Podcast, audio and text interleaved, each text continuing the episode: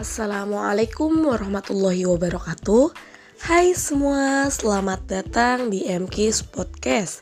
Kalian pasti pernah dengar kan? Tak kenal maka tak aruf. Pada pertemuan kali ini kita akan membahas seputar MKIS Podcast. Berasal dari mana MKIS Podcast itu? MKIS Podcast adalah sebuah platform yang diproduksi oleh Muzirul Komi sebuah angkatan atau alumni yang berkhidmat di masyarakat.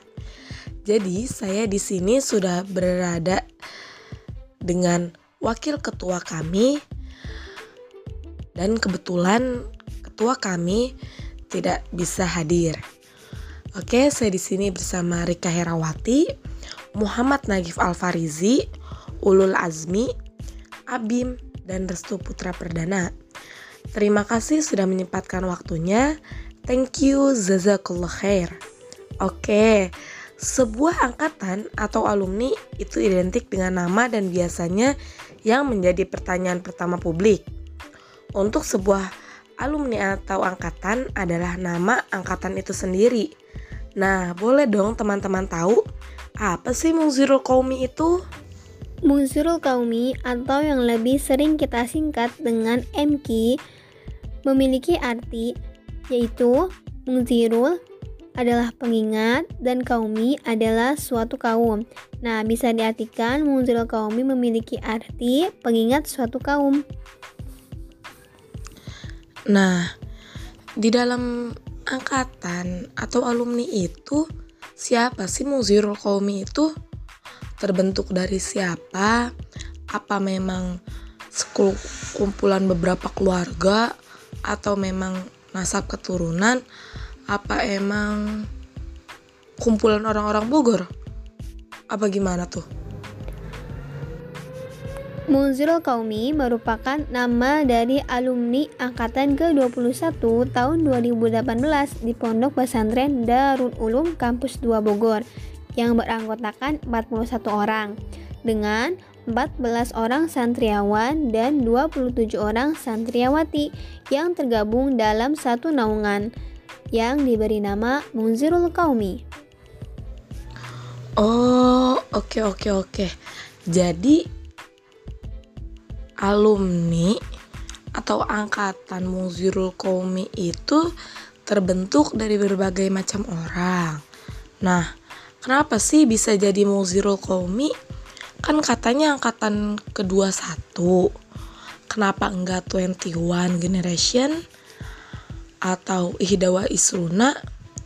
Atau apa gitu yang lebih berkaitan dengan 21 kan kalau mungzirul kaum itu kayaknya jauh gitu dari angkatan 21 kenapa tuh Bismillah Wassalatu wassalamu rasulillah. Kenapa namanya bisa MK? Muzirul Qaumi. Sebenarnya nama ini adalah pemberian dari Kiai Haji Nasruddin Latif. Kami ketika itu yang meminta kepada beliau untuk memberikan sebuah nama angkatan 2018 ini. Ketika itu beliau menemukan dua nama. Yang pertama itu Muzirul Qaumi dan yang kedua Syubanul Kahfi. Setelah bermusyawarah, kita sepakat untuk mengambil nama angkatan Muzirul Kaumi. Oh, jadi sebelumnya Muzirul Kaumi itu punya sejarah. Gak langsung aja gitu namanya ya tiba-tiba menjadi Muzirul Kaumi, gitu kan? Ya bisa seperti um, itu. Emang mm, seperti itu. Hmm, berarti apa arti dari Muzirul Kaumi itu? Ketika bermusyawarah, ada pemaparan makna dan arti dari dua nama pemberian itu. Yang sebelumnya sudah dijelaskan, kurang lebih seperti ini. Muzirul kaumi yaitu pengingat kaum atau umat. Harapannya jadi generasi pengingat. Pengingat diri sendiri, keluarga, dan juga masyarakat. Karena walau, walau bagaimanapun itu, peringatan itu tidak akan terlepas dari diri manusia, walaupun hanya sehari. Intinya, manusia butuh peringatan karena manusia memiliki sifat lupa. Yang kedua, itu Syubanul Kahfi, yaitu pemuda Al-Kahfi. Nah, ini pemberian nama, nama kedua dari Pak Kiai. Harapannya dari nama ini, para ini bisa menjadi seperti pemuda-pemuda Ashabul Kahfi yang tetap tetap teguh mempertahankan dan menjaga keimanan mereka kepada Allah. Bisa kita teladani para pemuda Ashabul Kahfi dengan perlawanan zaman yang bisa dikatakan keimanan mudah dipermainkan. Dan juga ya ceritanya, nah tadi kan bilang punya Muziro Kolmi itu punya tujuan. Nah, apa sih visi dan misi dari Muziro Kolmi itu? Untuk visi misi Muziro Kolmi sendiri ialah uh, yang pertama ada visi. Visi kami ialah sebagai generasi pengingat umat yang berakhlak, berwawasan tinggi dan berjiwa santri. Mengapa demikian? Sesuai dengan nama kami sendiri yaitu Muziro Kolmi yang berarti uh, pengingat umat dalam mengingatkan umat, kita meski memiliki akhlak agar dakwah kita atau ajakan kita diterima oleh masyarakat. Dan tentu juga kita harus memiliki wawasan yang tinggi agar kita tahu masalah-masalah yang ada di sekitar kita dan tahu cara mengatasinya atau uh, tahu apa sih solusi uh, apa solusi masalah ini.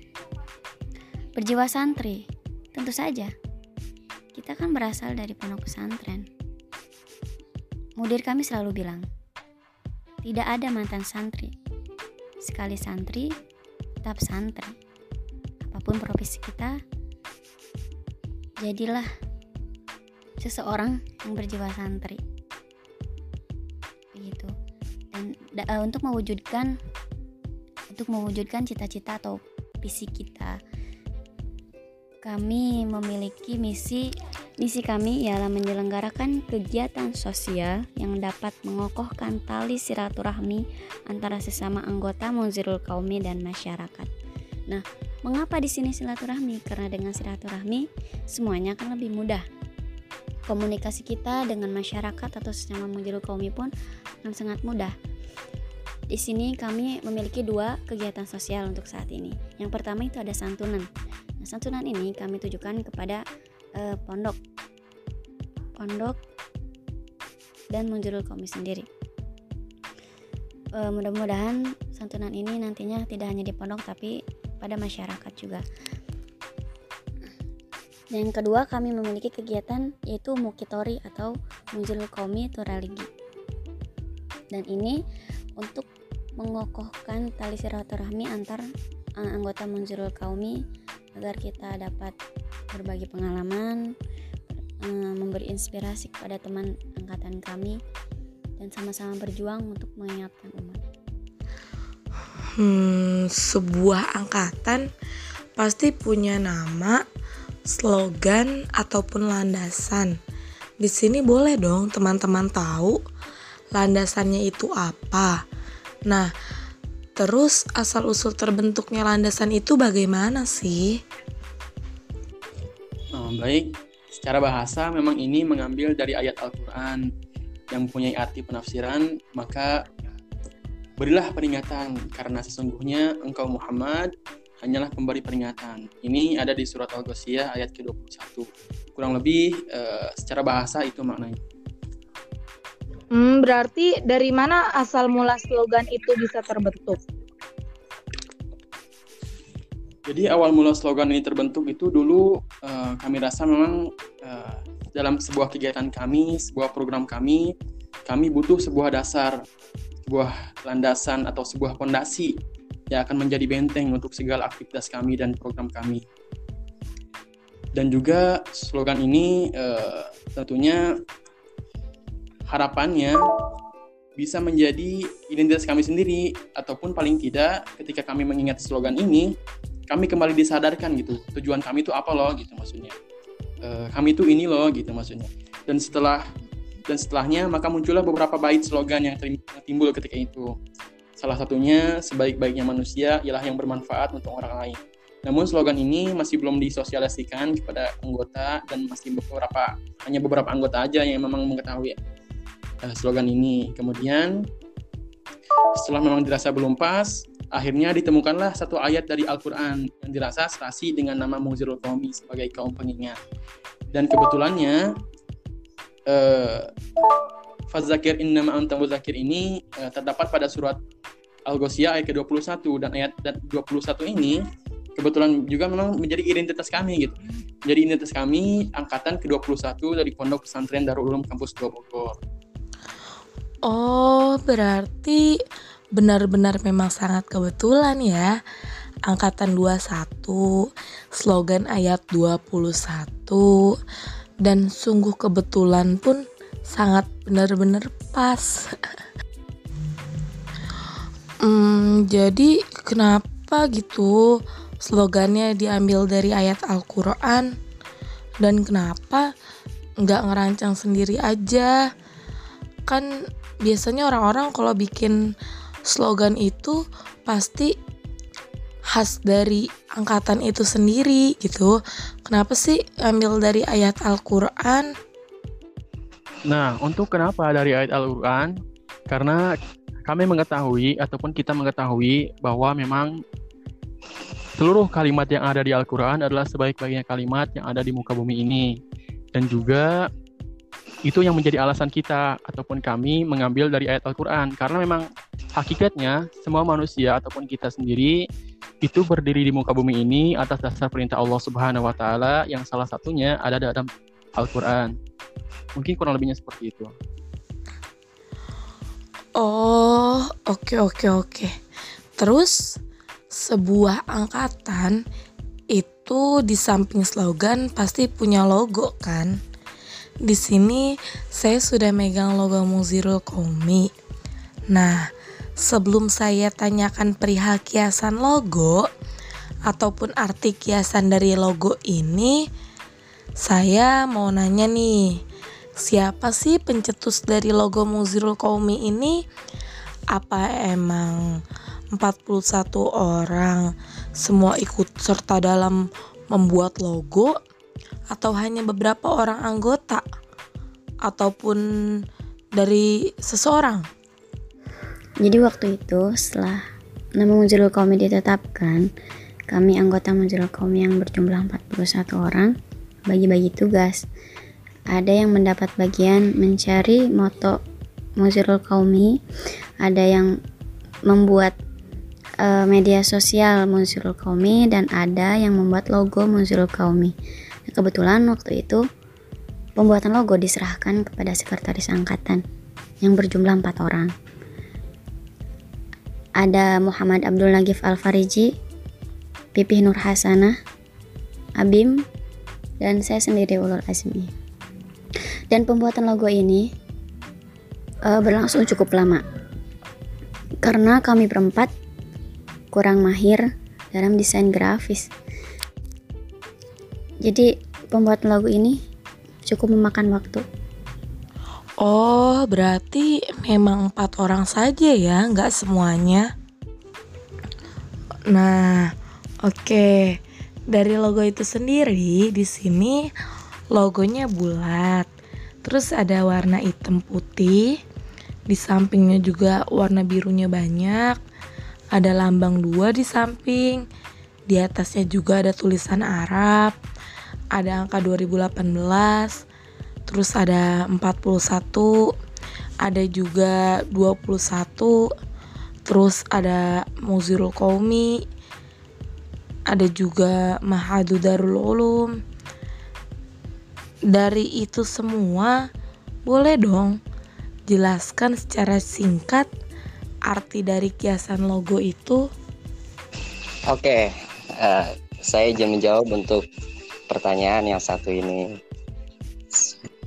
Kami berempat uh, saat itu merancang logo ini sangat kebingungan gitu. Mau di seperti apa kan gitu. Dan akhirnya kami temukan uh, awal logo itu berbentuk bulat. Nah kenapa berbentuk bulat?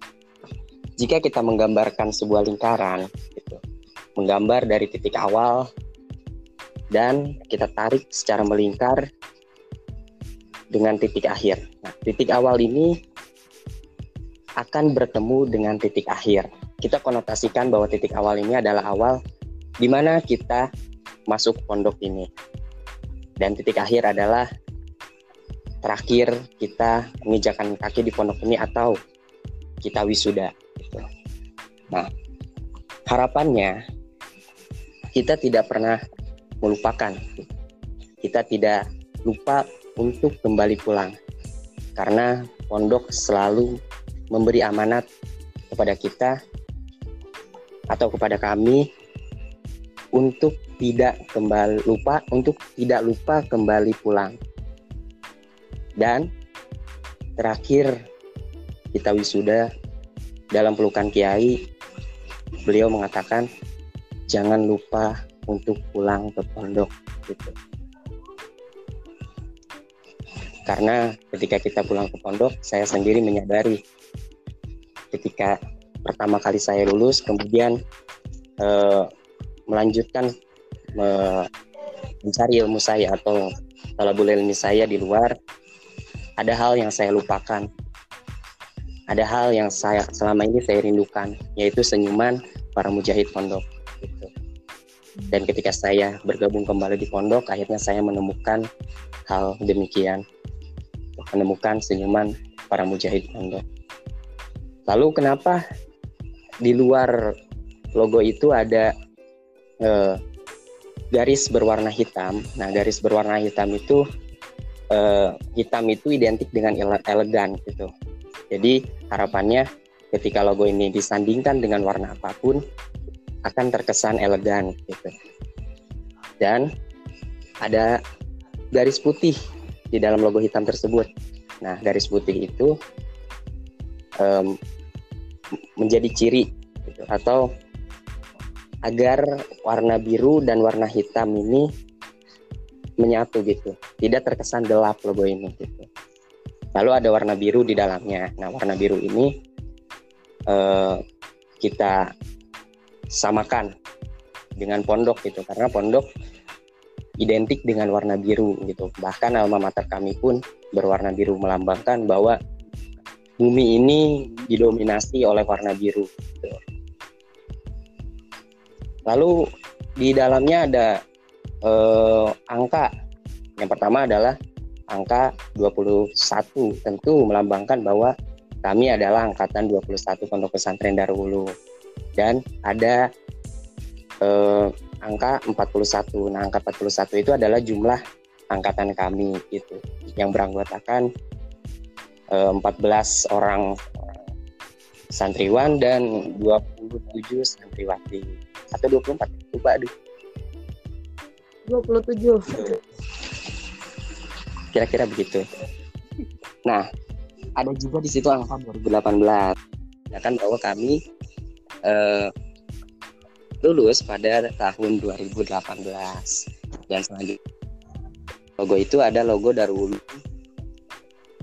logo Darul Ulum dan dua Darul Ulumnya dan bukan menandakan bahwa kami berasal dari Darul dua sebetulnya gitu. Karena khawatir ketika kita menafsirkan demikian ketika ada angkatan yang uh, membuat sebuah logo uh, Darul Ulum dengan satu logo itu ditafsirkan bahwa berasal dari Darul Ulum satu gitu. Kita hanya uh, memantaskan saja gitu. Dan ketika kita memasukkan logo Darul Ulum uh, di logo kita gitu, di logo kami ternyata percaya atau tidak bahwa sebelum kita me memasukkan logo itu pada saat wisuda. Eh pada saat malam apresiasi di Ustadz eh, Fauzi Baat. Mengat bahwa kalian membuat sebuah logo maka jangan lupa untuk membawa logo pondok di dalamnya. Dan percaya atau tidak kita telah melaksanakan apa yang dikatakan Ustadz Fauzi Baat sebelum Ustadz Fauzi Baat mengatakan demikian gitu. Nah itu nih. Allah. Iya iya. Ya, alhamdulillah, terima kasih. Oke, mungkin itu sesi perkenalan dari Muzirul Komi. Cukup sekian, I think enough. Thanks for listening. See you and wassalamualaikum warahmatullahi wabarakatuh.